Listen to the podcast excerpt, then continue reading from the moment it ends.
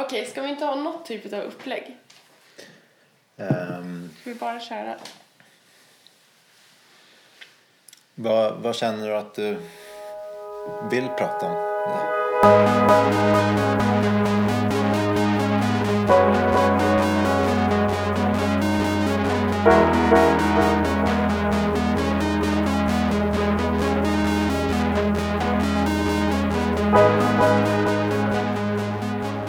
Du har kommit till Sorgpodden med Christian och Desiree. En plats som det allra svåraste i livet. Jag heter Christian och eh, kommer försöka ställa frågor till Desiree. Ja, nej men jag heter Christian och eh, är jättesugen på att få veta vad, eh, vad Desiree har att säga. Så jag tycker vi, vi börjar.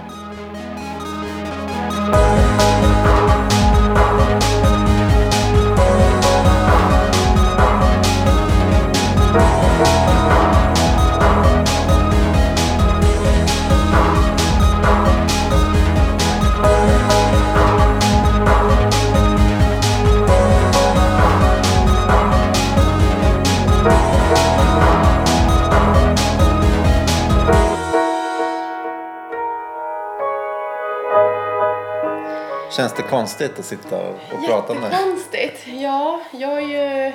Som sjukhuskurator så är jag ju van att sitta på andra sidan stolen liksom, alltså, eller andra sidan bordet. Eh, att eh, lyssna på andra när de pratar om sina problem. Men ehm, ja, och jag tänkte lite inför här så tänkte jag så här, gud vad, vart ska man börja? Eh, och vi har ju pratat ganska mycket du och jag kring sorg och det är ju supernaturligt för både dig och mig att prata om. Men sen när man väl ska på något sätt göra en grej utav det så börjar man helt plötsligt komma upp i tankarna och hur ska man presentera det och sådär. Men ja, så att det är såklart, det känns lite ovant men det ska bli jättespännande och jag delar jättegärna med mig och det är ju också syftet varför vi gör det här tänker jag. För att vi ska dela med oss. Varför tror du att det är viktigt? Nej men jag upplever att sorg är... Jag vet inte om jag skulle vilja säga att det är tabu, men det är svårt. Jag upplever att det är svårt att prata om. Eh, och för min del så var det egentligen så att jag kom inte i kontakt med begreppet sorg egentligen förrän jag eh, började gå hos en samtalsperson. Jag gick hos en eh, coach och hon introducerade sorgbearbetning för mig. Och jag tänkte så här, men vadå sorg? Jag har ju liksom, jag har ingen som har dött i min, i min familj så. Jag, för, för mig var sorg kopplat till död. Absolut. Jag, hade, jag, jag, jag vet inte ens hur många gånger jag hade nämnt ordet sorg. Liksom när jag kom i kontakt med, med det hos Elisabeth. Och så började vi då i samband med sorgbearbetningen titta på det här och jag insåg att men shit, jag har känt så jäkla mycket sorg. Ehm, och det första som egentligen slog mig det var ju mina föräldrars skilsmässa. Vilken otrolig, otrolig smärtsam period det var. Hur gammal var du då? Ja, jag var väl... Alltså jag var 14 när skilsmässan liksom gick igenom rent juridiskt tror jag. Men jag var kanske 12 när de liksom började prata om att separera och, och så. Så att det, det var en, som jag minns det, en lång och smärtsam period. En oviss period. Och ehm, jag har aldrig kopplat att den, den perioden i mitt liv innebar sorg. Smärta, ja, men sorg, nej. Hade aldrig ens tänkt på det. Och ehm, det var egentligen när jag, jag pluggade i Gävle när jag var för ungefär tio år sedan och då kom jag ihåg att jag hade tvn på sådär i bakgrunden som man kan ha. Och då var det, det var Oprah på tvn kommer jag ihåg, Oprah Winfrey. Och hon, då pratade de om skilsmässor. Och så sa den här terapeuten som var med i det programmet så sa så här att för ett barn eh, så kan en skilsmässa vara lika smärtsam som en död. För det är För barnet så är det döden av en familj. Och det träffade mig rakt i hjärtat verkligen. Och jag eh, bröt ihop som en liten blöt fläck och bara kunde inte sluta gråta. Eh, men fortfarande vid det skedet så kunde jag inte förstå att det var sorg som jag hade att göra med. Eh, idag, liksom efter att jag har bearbetat mina sorger och gått igenom det så har jag ju har jag en helt annan relation till sorg. Såklart. Eh, jag ehm, har ju på något sätt insett att sorg är så mycket mer än dödsfall. Eh, sorg är en naturlig reaktion, en naturlig känsloreaktion av förluster av något slag. Eh, och jag har haft förluster av tillit, eh, förluster av drömmar, eh, relationer som inte har blivit som man har hoppats.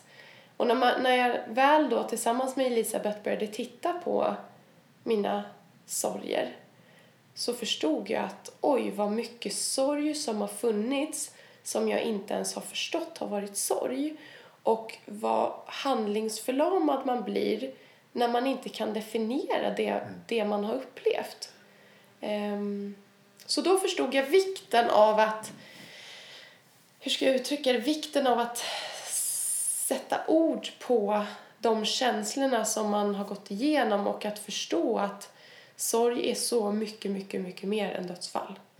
Ehm, verkligen. Du känner, kände du att det blev lättare att liksom relatera till de här känslorna när du fick ett ord på det? Ja, det kände jag. Alltså jag kände ju, för, för min del, jag, jag tillämpade ju liksom en, en metod som heter programmet för sorgbearbetning. Det är ju liksom en, en utarbetad metod.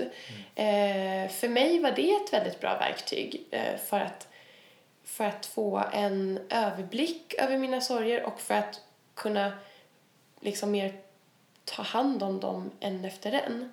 Ehm, och att, att förstå att det finns så mycket s- små, inom citationstecken, ehm, sorger genom livet som vi viftar undan men som tillsammans ja, blir en större sorg eh, inom oss som vi bär med oss utan att tänka på dem rent ja, intellektuellt eller i, i, i vardagen. Ehm, för, mig, för mig var det till exempel en otrolig sorg när jag eh, vaknade upp en dag och insåg att jag inte hade levt med min mamma på typ tio år. Alltså att jag hade valt... Jag kände som att jag hade valt bort henne i tio år. Um, det var en otrolig sorg. Uh, Och det är jag glad för att jag fick sätta ord på och jag är otroligt glad för att jag fick um, ta fram det i ljuset och att prata om det som sorg. Inte bara som smärta eller känslor av skuld eller känslor av svek eller allt annat utan den här känslan av sorg.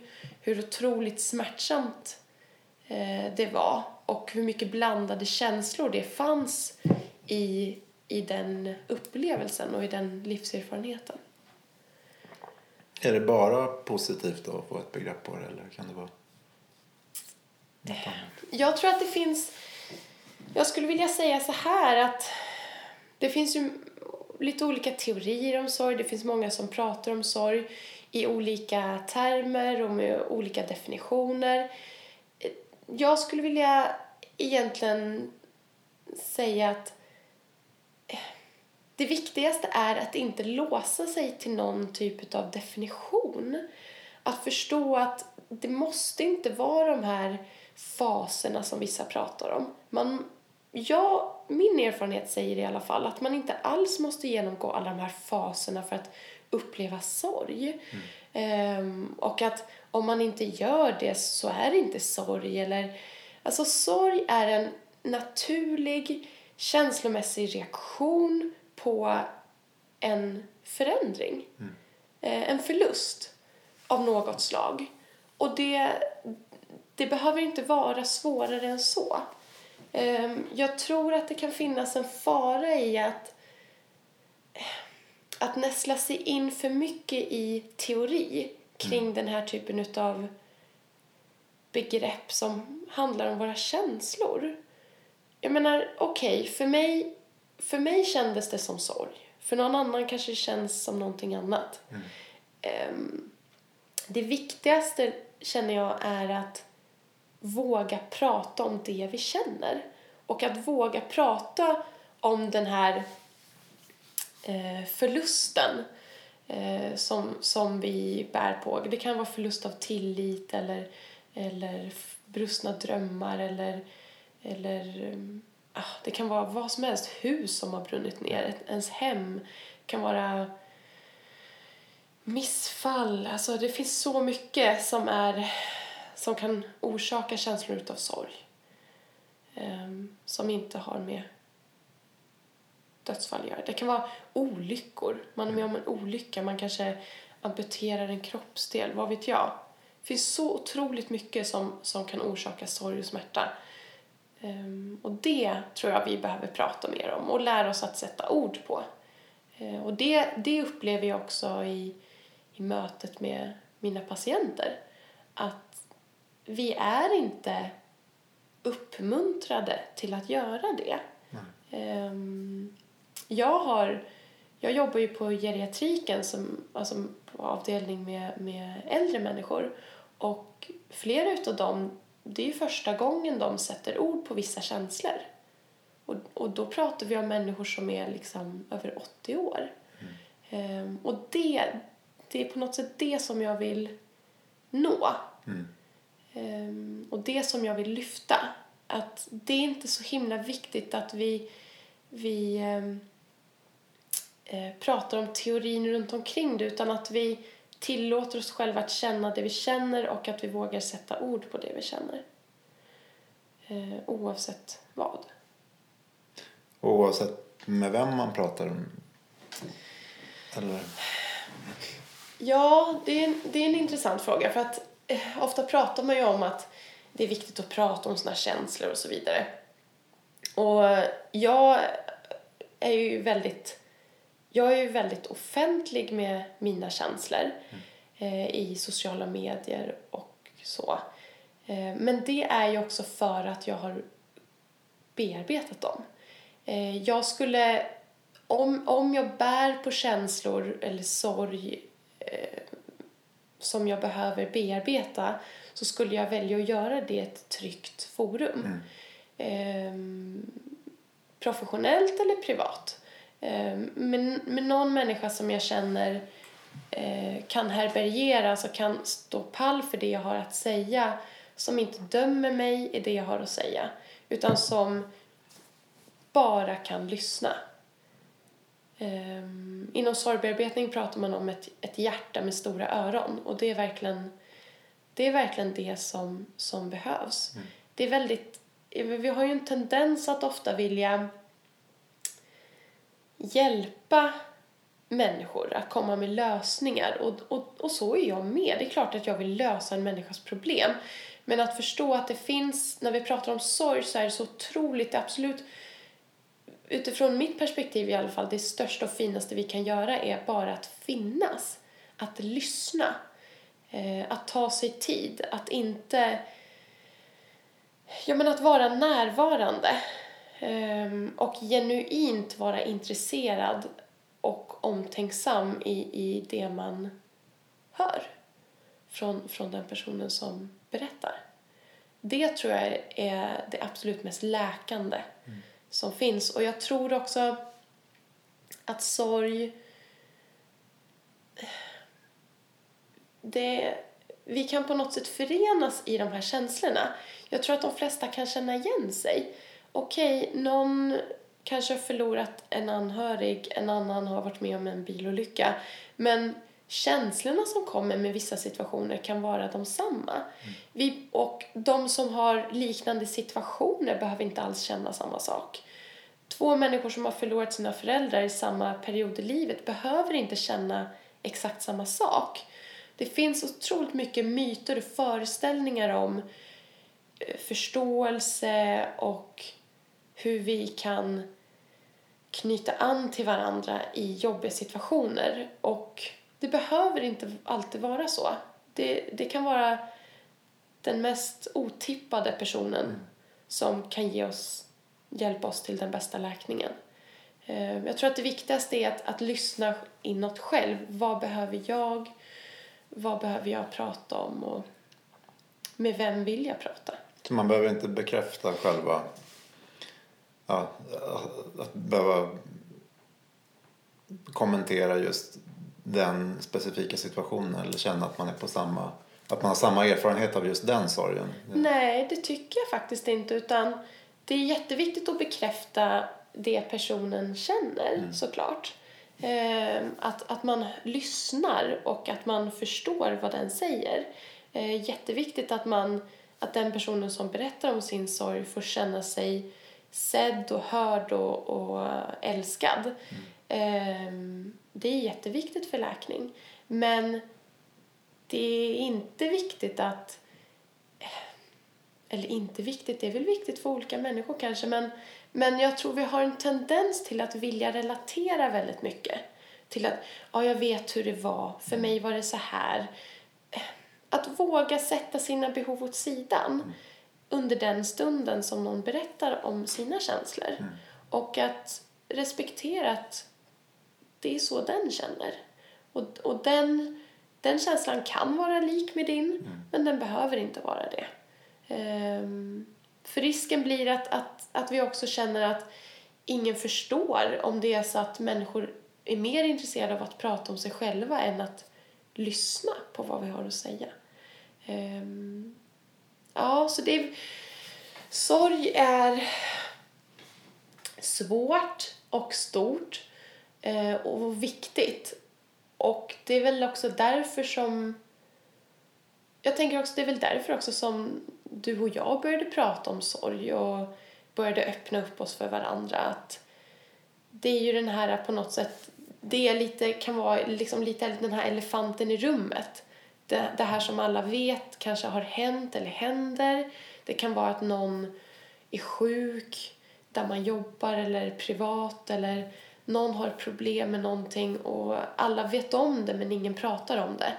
Ehm, människor byter, sid, liksom byter sida på gatan ehm, när de möter någon i sorg därför att de blir osäkra, man vet inte vad man ska säga. Och det är väl den där liksom osäkerheten och det där tabut som, som jag skulle önska försvann mm. eller i alla fall minskade. Att vi vågade prata mer om sorg. Att sorg är en naturlig del av livet. Ehm, det är ingenting skamligt. Det är ingenting konstigt. Det är ingenting fel. Ehm, det är bara 100% naturligt och det är en del av livet. Och om vi vågar prata med varandra om det så tror jag att vi skulle hitta så mycket mer läkning. Vi skulle kunna känna sorgen när vi känner den och sen kunna gå vidare. Den behöver inte leva med oss hela livet och vara en del av den här tunga ryggsäcken som många bär på. Ehm, för så är det faktiskt idag, att vi samlar på något sätt våra sorger i våra ryggsäckar eller på hög och sen kommer vi till en punkt när det rinner över. Ehm, att lära oss att ta hand om det vi känner och respektera det vi känner i stunden och att våga vara i den smärtan. Och att våga sträcka ut en hand och säga jag behöver hjälp just nu. Därför det är otroligt smärtsamt eller otroligt tungt. Ehm, så för, så liksom utifrån min erfarenhet så, så var det det som hände när jag träffade Elisabeth. När, hon, när jag sa liksom att min relation till mina föräldrar är väldigt smärtsam och jag vill inte att den ska vara det. Um, och jag vet, inte hur jag, ska, jag vet inte hur jag ska lösa mitt problem. Um, och det var så jag kom in på, på sorg som begrepp och hur jag kunde ta hand om den. Um, var det svårt att liksom sätta fingret på det? Att, att våga berätta det för någon som man inte känner? Nej. Just då mådde jag så himla dåligt. När jag kom till henne så det var, för mig var det inte svårt. Men jag har också, jag är väldigt verbal som person. Gillar att prata och eh, har ganska lätt kontakt med mina känslor. Ehm, och jag tror att jag, jag, eller tror, men jag mådde så pass dåligt så att för mig fanns det inget val än att Alltså om man säger så här, ryggsäcken var så tung att bära så att jag hade inget annat val än att börja packa ur den. För hade jag inte gjort det så hade jag inte orkat mer. Ehm, så för mig blev det, det betyder inte att det var, alltså det var smärtsamt men det var inga tvivel om att det var det som behövde göras. Ehm, sen känner man ju, eh, man säger jag, men jag kände motstånd i vissa samtal till att sätta ord på en del av min sorg. Att våga säga det jag kände. Ehm, det krävs ju såklart mod och ehm, stöd för att sätta ord på det man känner. Eh, och det var vissa situationer som var fruktansvärt jobbiga. Och det är ju, jag menar, det är ju känsligt. Jag menar, ofta så har vi ju burit på det av en anledning. För att det är svårt att prata om. Så, och därför är det också viktigt att man gör det med någon som man känner, känner sig trygg med. Att i det här, med den här personen kan jag prata och den här personen lyssnar. Eh, Men innan du träffade henne då, du, hade du någon som du kunde prata med? Ja, alltså jag gick hos en eh, kurator. Jag träffade väl Elisabeth kanske när jag var 22-23. Jag hade pluggat färdigt. Jag hade pluggat företagsekonomi i Gävle till, och läst med inriktning mot fastighetsmäklare.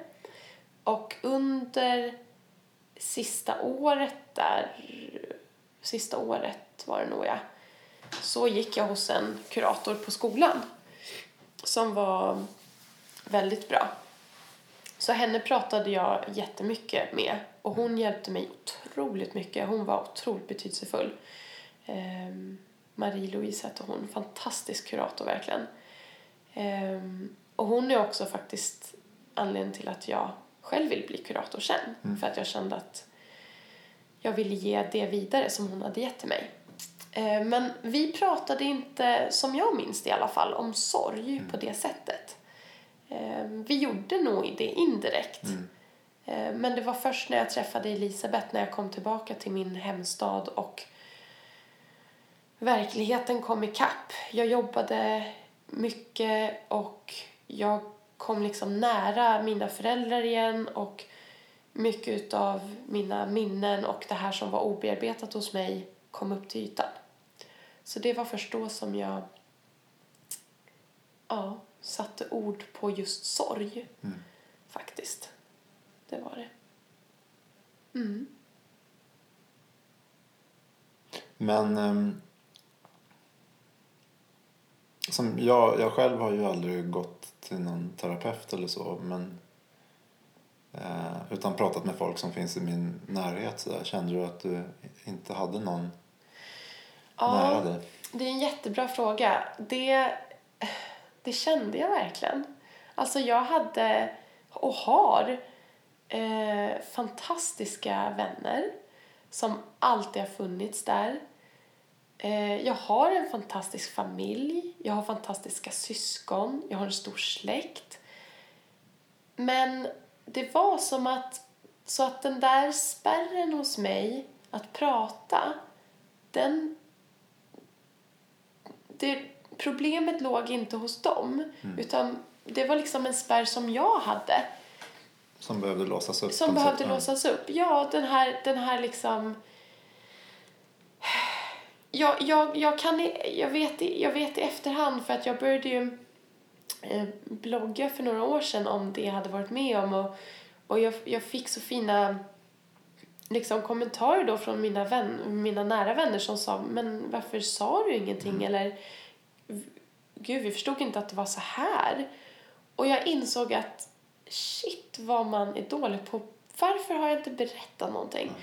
Och för mig har det funnits den här känslan av att ensam är stark. Mm. Att jag ska inte belasta någon annan.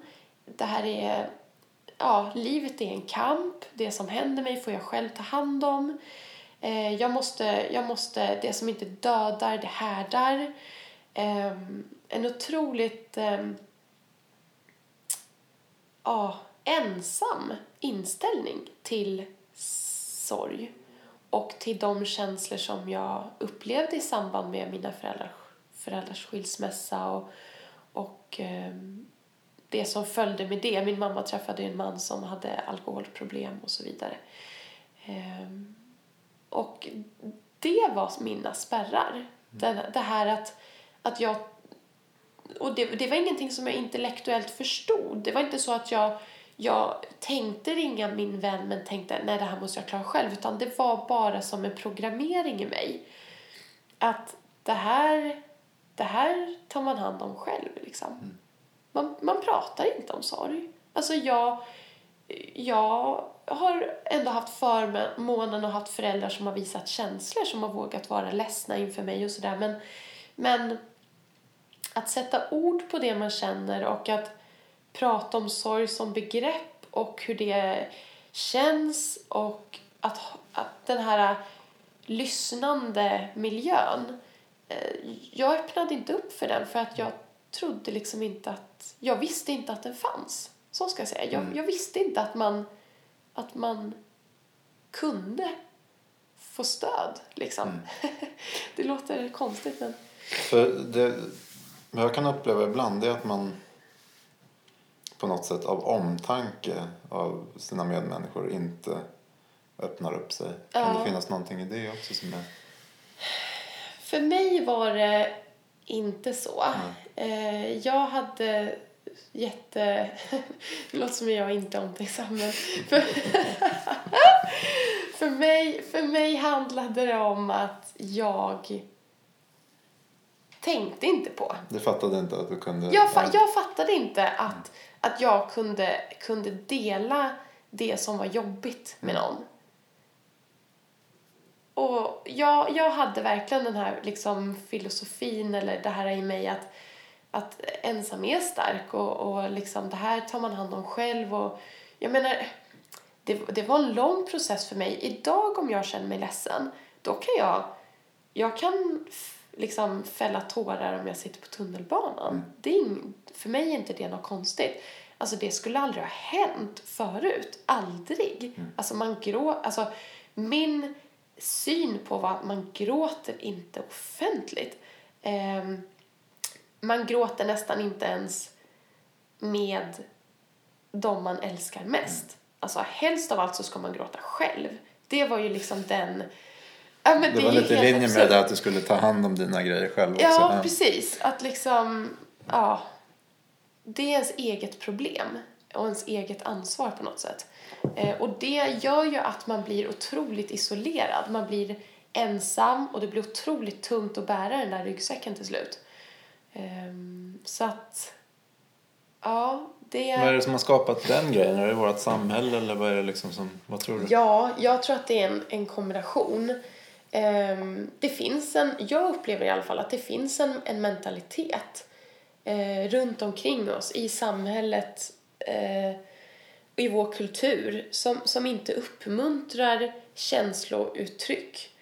Um, ja, och jag har faktiskt funderat jättemycket på det där liksom att varför lär vi oss inte att sätta ord på det vi känner och varför tar vi inte hand... Vad, vad, vad, vad är det som gör den här det här hindret? Mm. Att, vad är det som gör att vi, när vi känner liksom att de här tårarna börjar komma, att vi liksom börjar svälja för att vi inte vill att de ska komma?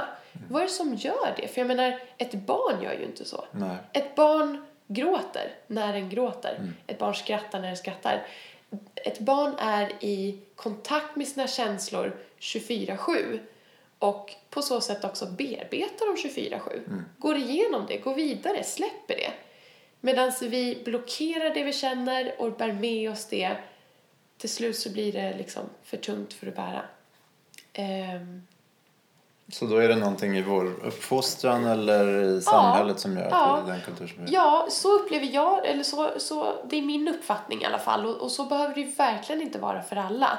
Eh, men, men det tror jag, och jag tror också att det handlar mycket om att jag menar, ser jag tillbaka några generationer, det absolut viktigaste då, det var liksom tak över huvudet, mat på bordet. Alltså, man hade helt enkelt inte tid på samma sätt att prata om, sitta och prata om känslor.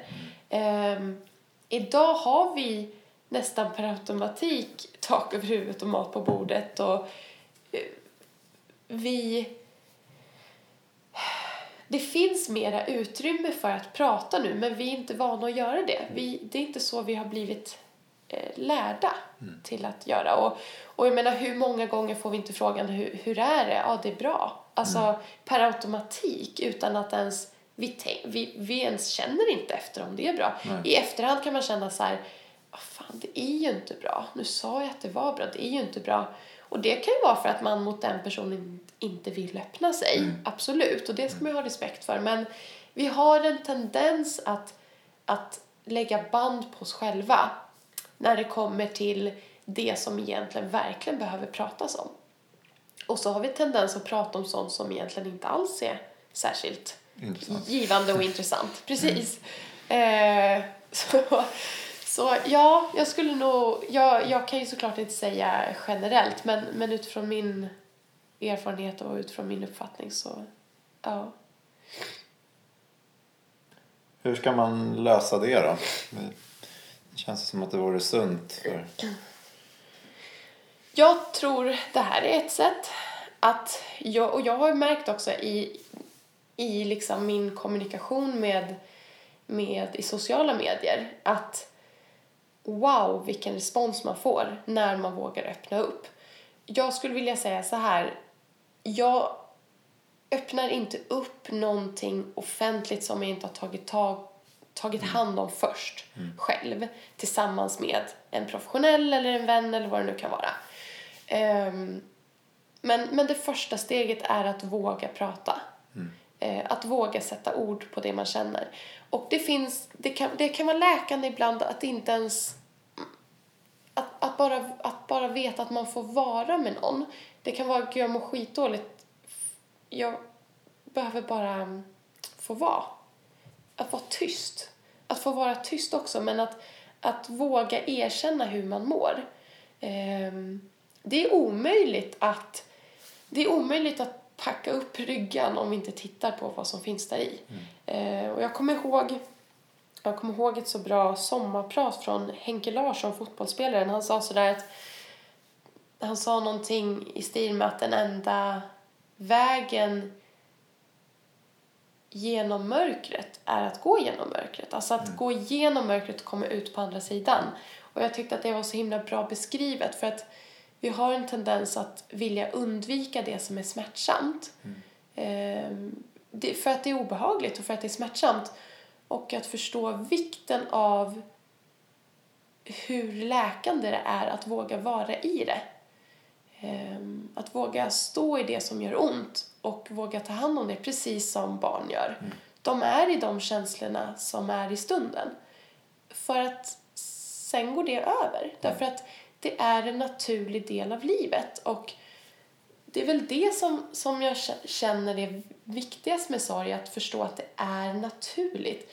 Vi är inte knäppa för att vi känner alla dessa känslor och för att vi vill gråta dagarna i ända. Sen finns det såklart, menar, nu ska vi, alltså, nu ska vi inte förväxla det med depression och sådär, men alltså sorg är naturligt och vi, vi får inte det, vi får inte ha ett samhälle där man anses nästan liksom vara sjuk, knäpp för att man gråter på tunnelbanan. Alltså det, det är inte rimligt att, att ha ett sånt samhälle där vi inte kan visa vad vi känner. Ehm, Men jag tänkte på det som du sa med sociala medier där. Det, det Ja. känns som att du har en, en ja, hittat någon strategi för att, att först bearbeta och sen lägga ut. Eh, och, men samtidigt just det här med att man ska våga prata om saker och ting. Men, men kan det finnas en fara idag? Liksom, man kan se ibland på i flödet att, att folk håller på och lägger ut saker som kanske inte känns bearbetade. Ja. Ja, det finns, alltså det finns säkert människor som, som inte vet vart de ska vända sig. Alltså som, som i ett des, desperat rop på hjälp liksom eh, outar sina känslor. Ehm, Nej men typ mitt i en separation att man ser så här varför. Ja, och, absolut. Och, och jag menar, jag kan inte, jag menar, jag kan inte svara för varje enskild individ, men jag, jag tror att det är viktigt att man, att man själv känner, eh, att man själv tar hand om det man känner i ett tryggt format. Liksom att här kan jag... Och om någon upplever att liksom, sociala medier är ett tryggt format så kan ju inte jag hindra dem. Men, men jag tror att det är viktigt att vi tar hand om oss själva. Och, för, och förstår också att jag menar, sociala medier har på något sätt tagit det här till en, till en ny diskussion därför att det handlar om att man heller inte kan ångra sig på samma sätt. Alltså en gång liksom i etern, alltid i etern på något sätt. Och det gäller ju även vårt samtal här, att, att vara medveten om att det jag säger, det jag bjuder in till någonting som jag sen inte riktigt kan, kan ångra. Eh, att, jag tror att medvetenhet är liksom en viktig faktor där. Att jag får göra och, och, så som jag vill, men är jag medveten om vill, vill jag ha de långsiktiga konsekvenserna av det? Eh, jag tror att det viktigaste är att vi inte censurerar oss själva, eh, att vi vågar prata. Men, eh, och vill man prata offentligt så gör det, men, men eh, det finns så mycket bra samtalspersoner, kuratorer, psykologer, terapeuter Ehm, som man kan ta kontakt med, vänner, anhöriga, familjer. Alltså, våga öppna upp hos de som faktiskt står oss närmast. Det är intressant hur vi kan leva i, i familjekonstellationer i, i flera år, alltså i generationer utan att prata om det som alla vet finns där. Ehm, att inte se sina föräldrar gråta eller att inte... Ja. Nej, men prata är jätteviktigt men det måste vara på ens egna villkor. Liksom, hur, i Mm. Man känner sig trygg. Ja, Ja. man måste känna sig trygg. Ehm, faktiskt. Ehm, ja.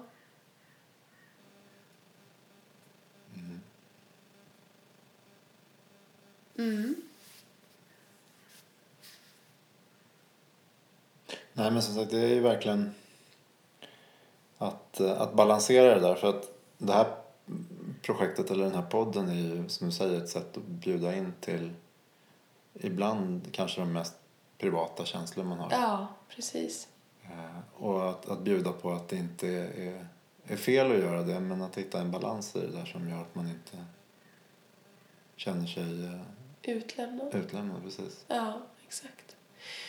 Ja, precis. Och det är ju svårt och det är ju upp till, till var och en att avgöra det. Vad i, vad, vart är jag i, i min egen process? Vad, vad kan jag prata om? Och vad ehm, kan jag stå för? Och vad utsätter jag andra för med det som jag pratar om? Ehm, att, ja, att vara på det klara. Att vara på det klara med det för, för sin egen skull. Ehm, när, när man går ut liksom i ett offentligt forum. Ehm, för, min, för min del så, så kom ju lite den så gjorde jag ju lite det steget när jag började blogga. Alltså när jag började skriva om mina föräldrars separation, eh, min mammas relation till en man med alkoholproblem, ehm, eh, misshandeln av henne som ledde till att han, eh, bland annat, en av anledningarna till att han, han fängslades och, eller satt, satt i fängelse. Och ehm, Ja, hur är det att skriva om sådana saker? Ja, för mig, som sagt, jag har ju gått i egna samtal i flera år. Men det är såklart, för mig var det ju läskigt när jag tog det steget ut i offentligheten. Ehm, såklart. Men jag har varit ganska trygg i att jag har alltid gjort det med en god avsikt. Jag har aldrig gjort det med avsikt att hänga ut någon eller döma någon. Utan jag gör det verkligen med kärlek. Och jag gör det för att jag upplevde att det var otroligt... Jag har liksom haft en, en dröm om att vara den här kuratorn som vågar vara personlig. Verkligt personlig. Som, som visar, som på något sätt själv tar ansvar för sina egna känslor. Jag menar, hur ska jag... Det, det var en helt avgörande grej i min bearbetning hos, his både Marie-Louise, den första kuratorn, och Elisabeth, coachen som jag gick till sen. Att, att känna den här tillit, tilliten till att de här människorna är själv bearbetade. De behövde inte säga exakt vad de hade gått igenom men att, att de visste vad de pratade om och de kunde relatera till mig ut, utan att eh, vad ska man säga, lägga orden i min mun. Men de kunde på något sätt förstå mig. Och jag kunde se mig själv. Vi kun, när man kan känna att det finns en ömsesidighet och en förståelse. Eh, jag tror att det är helt avgörande. För mig var det i alla fall det. Helt avgörande för att jag skulle kunna öppna mig. Att jag kände att den personen som lyssnar på mig vill lyssna, förstår smärtan jag går igenom och tror på att jag kan komma ut läkt på andra sidan. Ehm, och jag, jag tror att vi har blivit ganska, ganska bra på det senaste åren i alla fall. Det här med att våga vara mer öppna. Och man pratar ju om professionella, att, att det är viktigt att vara personlig men inte privat och så vidare. Och den gränsen är ju såklart diffus och individuell. Jag menar någonting som är... Jag har ju fått indikationer från andra om att jag är väldigt privat. Jag, jag upplever inte att jag är privat. Jag är personlig. För det som jag delar med mig av, det är sånt som jag har bearbetat. Ehm, och det, det gör jag gärna därför att jag har märkt vilket otroligt genomslag det får hos andra. Eh, för att jag vet hur läkande det är att känna samhörighet med andra. Eh, hur läkande det är att, att, ehm, ja, att någon vågar säga sanningen eh, och vågar ehm, dela med sig helt enkelt. Det finns ju någon sån här slags nidbild av terapeuten eller kuratorn att, att det är en person som har egna allvarliga problem. och att det är därför man det. söker sig till den det, liksom, eh, sfären och det yrket kanske. Så. Men det låter ju som att det eh, på, åtminstone då på senare tid har utvecklats till att bli någonting där det är någon som har bearbetat sina problem. Att det är en väldigt stor skillnad. Jag hoppas det. Ja. Jag menar, det finns ju alltid... Det går, jag menar, i alla... Jag antar i alla yrkeskategorier så finns det bättre och sämre liksom, yrkesutövare. Och jag är verkligen inget proffs. Jag menar, jag är... Jag, har in, alltså jag är i stort sett fortfarande anses väl ganska nyutexaminerad. Eh, men, men för min del så upplever jag att i, i fråga om sorg och i fråga om den typen av samtal eh, som professionell att det är viktigt att se till sitt eget och att titta på det. Eh, och jag tror också att det ökar den empatiska förmågan eh, faktiskt. Att komma i kontakt med sina egna känslor och eh, ja, för att kunna relatera till andra. Och jag tror, att, jag tror att människan man pratar med känner det också. Att den här personen lyssnar och hon förstår och hon, hon vill förstå. Hon, hon kan relatera till det jag säger men kanske på ett helt annat sätt. Men, men att man finner en, kan finna en samhörighet i det samtidigt som man så självklart är professionell och härbärgerar och kan stå pall för det man får höra. Ehm, Det handlar ju inte om att man själv ska, ska liksom sitta och gråta i patientens famn. Det är ju inte det vi pratar om här utan ja. Ja. Så att ja, jag vet liksom, nu tänker jag så att nu kanske jag svävade iväg liksom i, i, det vi skulle prata om men, men um... Nej, men jag tycker att jag börjar se en tydlig bild av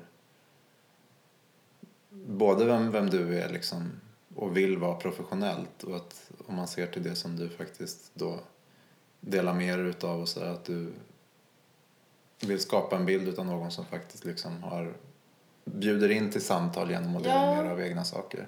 ja, precis. Och att det känns som en, en mission för dig att liksom få, få visa att det finns den typen utav kurator också. Ja, Eh, och, eh, men eh, det, man blir jättesugen på att höra lite mer om, om dina grejer. Då. Vad är det liksom Ja. som... som eh, om, om min sorg. ja, Ja, alltså den, den, den stora sorgen var väl när jag kom till ins... Alltså, det var ju en otrolig sorg när, när mamma och pappa separerade och skilde sig. Eh, det var väldigt eh, slitigt. Eh, och det, det var utifrån min upplevelse eh, slitigt och utdraget och väldigt smärtsamt. Och jag på tal om det vi har pratat om, minns när telefonen ringde en gång och jag hade, mamma och pappa hade bråkat. Jag hade, alltså jag kommer ihåg hur jag skrek och slet mitt hår för att få dem att sluta. Och telefonen ringer och jag svarar och jag får frågan hur är det? Och jag säger det är bra.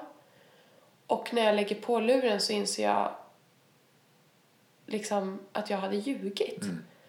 Ehm, så, så, så den perioden var ju otroligt smärtsam och jag delade inte med mig utav den sorgen. men du fick Eh, inte prata med någon då? Eller du hade Nej, jag gick inte i Nej. några professionella Nej. samtal eller så och jag kan inte minnas att jag blev erbjuden det. Jag, kan, alltså, jag minns inte ens om vi hade någon skolkurator. Nej. Jag vet faktiskt inte om vi hade det. Eh, och och det, det har man ju också pratat om sådär att vi vet liksom i skolan vad vi ska göra när det börjar brinna. Eller på arbetsplatserna. Så vi har de här brandövningarna och, och så. Men, men vad gör vi när någon kommer med ett alltså, trasigt hjärta? Vad gör vi när någon slår i botten, när någon genomgår en livskris? Ehm, hur ser handlingsplanen ut? Ja, Liksom? det. Var, är den, var är den handlingsplanen? Var, var, var sitter kuratorn? Hur ser kuratorn ut? Eller vad, vad, vad, vad är numret till, till, till ehm, barn och ungdomspsykiatrin? Eller vilka man nu Eller behöver företagshälsovården. Ja, eller, precis. ja alltså vad, vad, hur, hur gör man? Ehm, eh, vi, vet, vi vet ju direkt vart vi tar vägen när vi bryter en arm. Vad gör vi när vi får det här samtalet att, att den vi älskar har gått bort eller dött eller skadat sig eller ja. Ehm, men, men det var väl min jag skulle nästan vilja säga att det var min första liksom, riktiga upplevelse av sorg. Det var under den perioden. Sen, sen var det en lång period av mycket smärta när, när min... När jag, jag levde ju kvar då med pappa och min bror. Min syster hade flyttat hemifrån. Eh, och min mamma träffade en ny och han hade alkoholproblem. Och eh, så småningom resulterade det i våld i hemmet. Och eh, där jag bland annat vid, jag kan ta ett exempel från ett tillfälle när min mamma ringer och berättar att hon har blivit slagen. Och jag åker dit och eh, försöker plåstra om henne och hennes glasögon var trasiga och, och han är väldigt upprörd och skriker alla tänkbara hemska fula saker åt mig. Ehm, då gick jag, då gick jag i gymnasiet och det var en jobbig period. Jättejobbig period. Eh, under den här perioden så, så råkade min syster ut för en bilolycka. Väldigt allvarlig bilolycka. Hon fick sprickor i nacken och sen flyttade vi från mitt barndomshem, jag och min pappa. Jag tror min bror hade flyttat hemifrån då. Det var också en sorg, att liksom lämna sitt barndomshem. Ehm, och alla minnen och så som kommer med det. Ehm, jag och min pappa, jag var verkligen inte världens enklaste tonåring, det kan jag säga. Av förklarliga skäl, men som jag inte fattade och som jag inte kunde sätta ord på så var ju jag inte lätt att ha att göra med. Eh, och jag och min pappa hade, hade svårt stundtals att förstå varandra i alla de här känslorna. Eh, min pappa träffade ju en ny och de förlovade sig och en morgon så lämnade hon oss oanmält. Jag, jag visste i alla fall ingenting. Eh, det var en fruktansvärd upplevelse som jag, eh, som jag som tog lång tid att reparera. Eh, som jag idag liksom har, känner att jag har försonats med och, och absolut. Eh, men då var det jättetufft eh, eftersom min mamma hade flyttat och jag kände att jag på något sätt fick någon ny familjekonstellation och så sprack den också. Eh, det var en väldigt smärtsam period för mig och med, all, med allt det här bagaget så började jag plugga i Gävle, flyttade hemifrån och där levde jag ett ganska destruktivt liv. Alltså jag hade väldigt roligt. Men jag drack mycket alkohol, träffade mycket killar. Och i efterhand så kom jag ju till insikt med hur sorgligt det var. Alltså hur, hur destruktiva relationer, alltså sexuella kontakter bland annat, jag hade. Och hur liksom anledningen till varför jag drack alkohol och sådär var kanske inte bara för att det var roligt. Nej. Utan för att jag hade mycket som jag ville fly ifrån. Eh, ja. Så att för min del var ju det här med sorg helt, när jag då träffade Elisabeth efter alla de här, när jag var typ 22-23, så var ju det som en aha, men shit, sorg. Aldrig tänkt på det liksom. Okej, är det det som jag har upplevt och som jag inte har tagit hand om? Eh, och hur otroligt läkande det var för mig att börja prata om sorg. Eh, och att nej, och att börja prata om det, börja bearbeta det och sen kunna dela med mig av det. Eh, för att få andra att våga titta på sin sorg och eh, Tror du, du pratade lite kort om, om de liksom, relationer som du hade där under gymnasiet och så. Tror att ja. Påverkades du av din liksom, eh, upplevelse av sorg och förlust och sådär i, i ditt sätt att umgås med, med andra i kärleksrelationer och så eller Ehm, att du begränsades på något sätt? Eller? Det kanske är för ledande fråga. Nej då. Jag tycker det är jättebra. Det finns inga dumma frågor. Eh, och det är jättebra att man vågar fråga. Men jag kan väl säga att det, det jag kunde se, det jag har sett så här i efterhand. Jag har haft otroligt fina pojkvänner. Alltså det, det är helt sjukt vad fina pojkvänner jag har haft verkligen.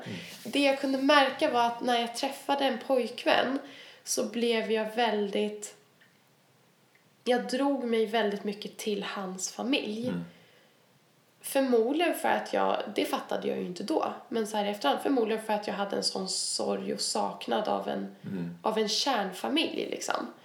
Ehm, och speciellt till min pojkväns, mina pojkvänners mammor. Så. okej, ja. Eftersom att jag inte, eftersom att efter skilsmässan flyttade min mamma och att jag försökte ju på något sätt fylla det tomrummet. Ehm, så, så det kan jag se, att, att jag påverkades av att, att jag förmodligen sökte väldigt mycket trygghet eh, genom pojkvän, pojkvänner. Ehm, sen sen när, när jag liksom pluggade i Gävle och när jag var singel då, då var jag nog bara väldigt vilsen och trasig. Liksom. Ehm, då, då, då, då blev det ju ett destruktivt eh, en destruktiv, ett självskadebeteende. Okej, ja. Liksom att, att ha korta relationer med killar och korta sexuella kontakter och fest och alkohol och så. Och det var ju på något sätt komplicerat eftersom att det är en sån tillåtande miljö när man pluggar. Det är ingen som reagerar Mm. Det ingen som på ifrågasätter det. Nej. Nej, man gör inte det därför att man tänker att det är av, av liksom, ja, att man har ett kul liv liksom. Mm. Och inte jag heller. Det var ju efteråt Mm. som jag kunde se det mönstret och förstå att oj, det här har inte bara varit roligt. Nej. Det här har varit jäkligt destruktivt och ehm, jag har inte varit särskilt snäll mot mig själv. Ehm, ja, så det kom otroligt mycket insikter när jag vågade närma mig de här känslorna igen och när jag vågade börja prata om dem.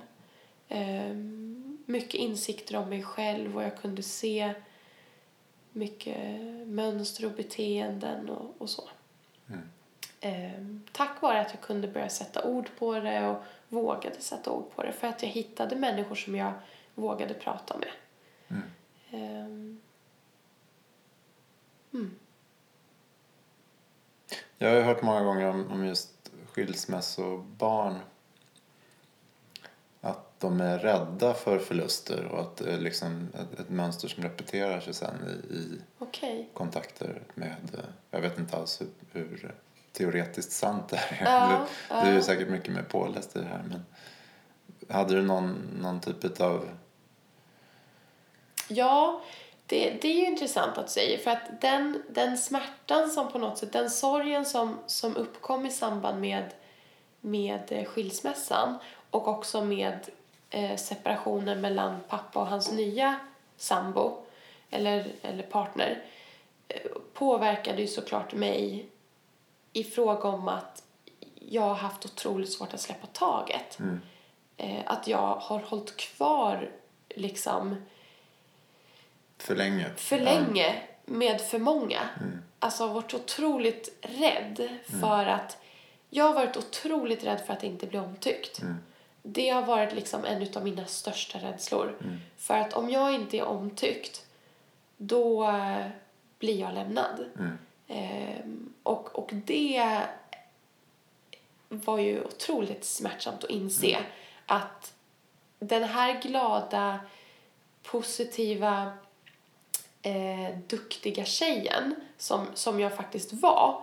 Eh, jag menar, hela den här perioden, jag har, mitt uttryck har inte varit att jag har varit bråkig eller Nej. misskött mig. I, tvärtom. Jag, jag på något sätt, min strategi var, var duktig, eh, leverera, liksom prestera, prestation, ehm, Var glad? var glad, Ja. social utåt. Liksom. Eh, och jag insåg att en stor del av det, jag har såklart det till viss del i min personlighet, absolut. Det är inte så att jag har gått runt och varit falsk. Men, men mycket har bottnat i rädsla för att inte bli omtyckt. Mycket har bottnat i en rädsla för att bli lämnad av människor som jag har älskat och som har betytt mycket för mig.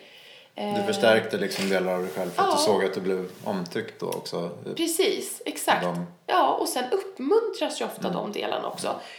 Jag kan tänka mig att människor med ett, ett med, med mer destruktiva mönster, eh, bråkstakar eller vad man nu ska inom citationstecken, eh, att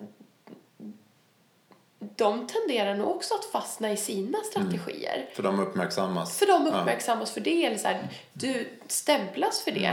Ja, men det är ju den här, han är alltid si eller hon är alltid så. Hon ska alltid hålla på och vara uppkäftig eller vad det nu är. Och, och för min del blev det liksom, hon är duktig, hon är så snäll och hon är så trevlig. Åh, jag har hört så gott om dig. Och det, det byggdes liksom upp den här identiteten som ett luftslott nästan. Och när jag sen brakade ihop liksom och kände shit, vem är jag? Ehm, när den här ryggsäcken blev så tung att bära när jag liksom inte kunde le längre ehm, så kände jag bara shit, jag, jag är ute på hal is. Jag måste... Jag slog liksom i botten. Ehm, det var min Så den här känsla. glada, duktiga, trevliga personen, det, det kan vara minst lika destruktivt som Ja, den här bråkstaken som blir uppmärksammad. Ja, för mig var det det. Eh, verkligen. Och den här superhjälpsamma och som ska vara... Och jag vet jag fick frågan flera gånger så här, men du kan ju inte vara så där glad hela tiden. Och jag är, jag är väldigt glad. Alltså det, det har jag alltid varit. Men, men allt var inte bara Nej. genuin glädje liksom. Men såg du det som en överlevnadsstrategi eller du, du visste kanske inget Nej, jag annat heller? fattade Ja. det inte. Precis, exakt. Det var bra att du sa för att jag, jag fattade inte att det var Nej. så. Utan det var så här inom citationstecken. Det var så jag var. Mm. Sån är jag liksom. Och du fick uppskattning för det Ja. och du fortsatte med En, det? en omedveten strategi liksom. Tills jag började rodda i, i, i mitt bagage Mm. och inse att shit, så här är det ju liksom. Mm. Ja. Så, så... Men du är fortfarande glad och trevlig och Ja, levererar och så, här, så känner du liksom, har du landat i det? Är du jordad i, Ja, i dig själv? ja, du menar om jag kan se skillnad på när det är mitt Ja. genuina jag och Ja. när det är Ja. mitt, eh, mina strategier? Absolut, det känner jag. Mm. Ehm, nu är jag jätteglad. det, det kände jag verkligen att Du jag sitter är. inte och spelar här Nej, precis. Nej, men bara för att överleva den här situationen. Nu är jag förkyld också så nu låter jag som en häxa. Men, nej men, nej, men det, den medvetenheten och där har ju, jag har ju strategier för att, han, för att hjälpa mig själv att vara grundad. Eh, jag har ju yogat en del och nu är det mycket fokus på meditation. Mm. Ehm, och det är ju step by step liksom. Att hitta, när man lämnar de här gamla strategierna, när man liksom be- känner att jag måste slå mig fri från de här strategierna därför att de tar död på min själ. Så hittar man ju nya, ehm, mer sanna strategier. Att okej, när jag mår så här då kanske jag behöver vara i fred eller ja. Så att jag tycker att jag har hittat en väldigt bra balans och ett bra sätt att ta hand om mig själv. Och jag har ju blivit, jag är ju helt annorlunda om jag känner någonting nu. Alltså jag ringer ju en vän. Jag, liksom, jag, jag, jag vet att jag har ju fantastiska, jag menar förmånen som kurator är att få jobba med andra kuratorer. Ja, ja. jag är ju omgiven av fantastiska människor som kan lyssna och mina vänner och sen jag berättade min historia och sådär så har ju liksom så har ju famnarna runt omkring mig öppnats. Liksom. De har alltid funnits där men jag har inte sett dem. Jag har inte vågat omfamnas. Ehm, så det är ju väldigt annorlunda idag. Och jag känner mig helt trygg med att ja, vem jag är. Vem som är jag på riktigt. Eh, sen finns det mycket mer att utforska. Jag tror att det är en livsprocess. Eh, Men du kan känna ibland så här, shit nu, ja, Ja. nu är det här. Ja, ibland kan jag ju känna så här, men gud, varför sa jag så där? Ja, det var kanske inte... Ja. Men, men skillnaden mot förut är ju liksom medvetenheten. Mm, att du relaterar till det. Ja, att jag kan uppmärksamma det, att jag kan se det att okej, nu, nu körde jag den, Mm. nu körde jag det kortet liksom. Det, det var ju tokigt. Ehm, så. Men det händer någon gång ibland liksom. Men det, det, det är inte mer än att man uppmärksammar det och det, jag tycker den medvetenheten är bra för att det hjälper mig att utvecklas. Ehm, Jag tror att det är viktigt att förstå att man aldrig blir 100% färdig. Utan jag menar, livet fortsätter utmana mig. Jag har ju haft sorger sedan dess. Eh, relationer som jag har hoppats på men som inte har blivit någonting och så vidare. Ehm, och ehm, ja.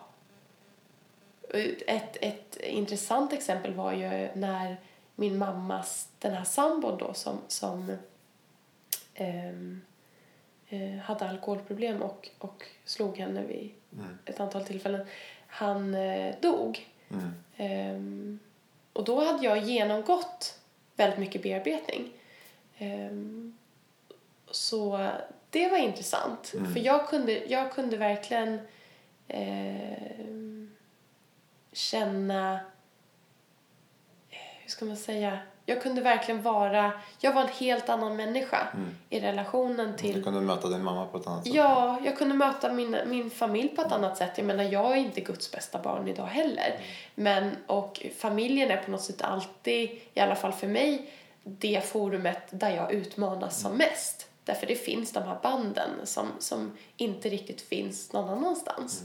Eh, men det hjälper mig att utvecklas till att bli en bättre människa. Och jag, jag har blivit bättre på att prata om mina känslor och på att sträcka ut en hand och säga jag behöver hjälp nu eller eh, jag känner mig svag eller skör eller, eller så. Och att den här tilliten till att det är naturligt. Det är en naturlig del av livet att vara i de här perioderna i livet.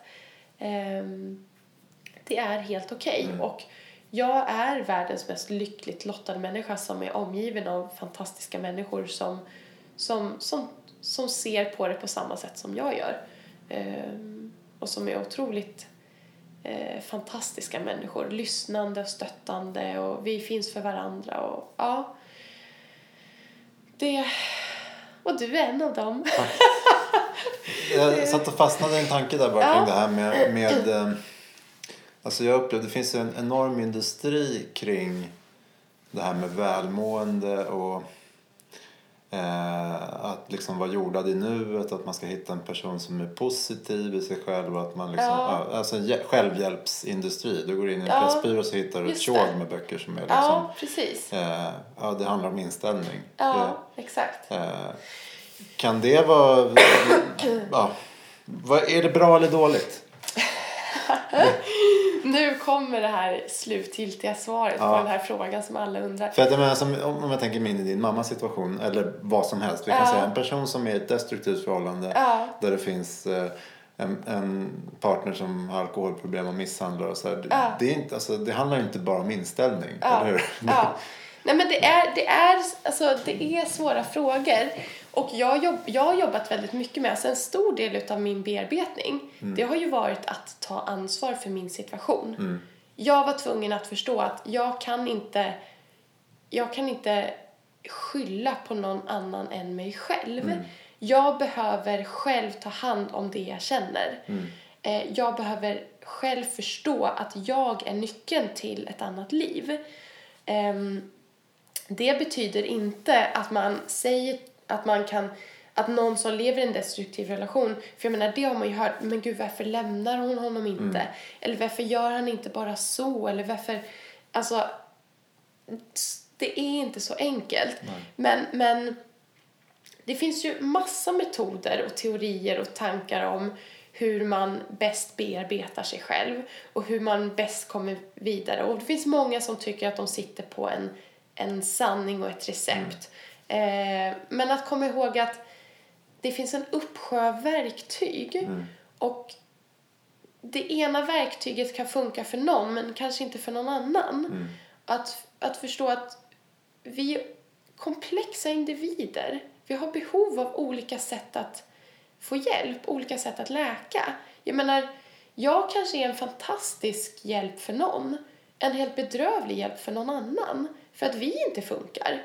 Ehm, Då måste man våga inse det också i den Ja. relationen. ja, precis. Och, Alltså som kurator och... Ja, både, äh, framförallt som professionell, men också som, som, som individ. Att så här, men som jag gick till exempel hos en psykolog ett par gånger när jag var yngre och kände bara nej, det här funkar inte alls. Att, att våga liksom, nej, jag vill byta. Ehm, men, men den här självhjälpsindustrin, jag skulle vilja säga så här, den finns i ett gott syfte.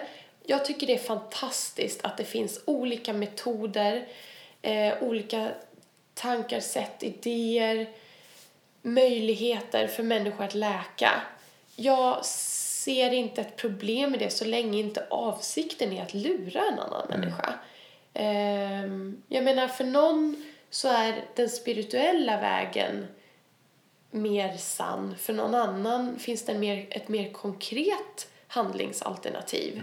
Alltså vi är olika människor. Vi har olika sätt att ta hand om oss själva på. Ehm, det, och, och därför blir det också en uppsjö av verktyg. Ehm, och det är bara vi själva som vet vad vi, vad vi mår bäst av. Ehm, det, det finns ingen quick fix. Det gör inte det. Eh, och, och när det kommer till sorg så, så tror jag att det liksom finns en fara i att, att negligera den för att man ska bara tänka positivt. Det du pratade om innan där. Att, att, liksom, att det är ett val. Ja, man, kan ju, man kan ju såklart förstå varför man känner sorg i en viss situation. Eh, men det betyder inte att den inte får finnas där. Alltså man kan ju förstå att ja, den finns av den här anledningen och, och ja, det kommer gå över eller, eller så. Men, men det betyder inte att jag måste jobba bort den. Tvärtom, låt den finnas. Låt den finnas var Men då kan de här självhjälpsgrejerna vara en, en ögonöppnare då kanske för många som inte... Absolut. Ja, Men att det kanske inte alltid är så att okej du har varit med om en stor förlust, amputerat ett ben och Mm. ta en morot, käka glutenfritt och vara Exakt. glad. nej.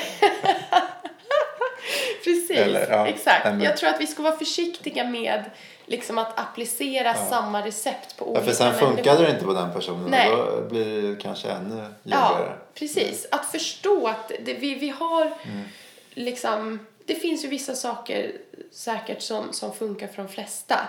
Men att ha jättestor respekt för att vi är komplexa Mm. individer med individuella behov. Eh, och att det måste få stå i centrum för våran läkning. Mm.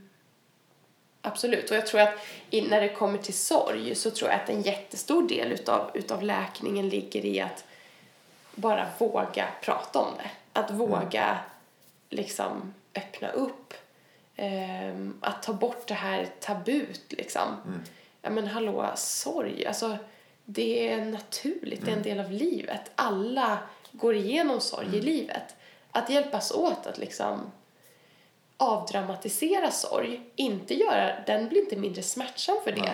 Men, men, men den blir lättare att hantera och den, den går snabbare. Den blir en naturlig del av livet. Och den, liksom, vi får inte tro att, att, på tal om sociala medier, att, att livet är bara bra.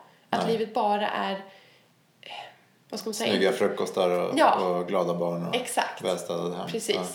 För det är inte så. Nej. Och det, det vet vi intellektuellt. Men, men eh, ändå mår vi lite dåligt när vi ser Mm. att vissa har det väldigt bra. Och så då när jag till exempel lägger ut något kanske ganska utlämnande, inte utlämnande men mm, vad ska man säga, personligt om att jag är ledsen eller någonting sånt. Får det ett fantastiskt gensvar. Jag får massa mejl och tack för att du delar med dig och liksom hur vi faktiskt cravar igenkänning i de bitarna också. Och att det är helt naturligt. Det är helt okej. Och så lägger du upp det tillsammans med en bild på en fin solnedgång från, Sri Lanka. Ja! Och då mår folk genast lite dåligt. Åh gud, jag hoppas Nej. inte folk mår sämre av det. Nej, verkligen inte. Nej, men det... Tack. Tack själv.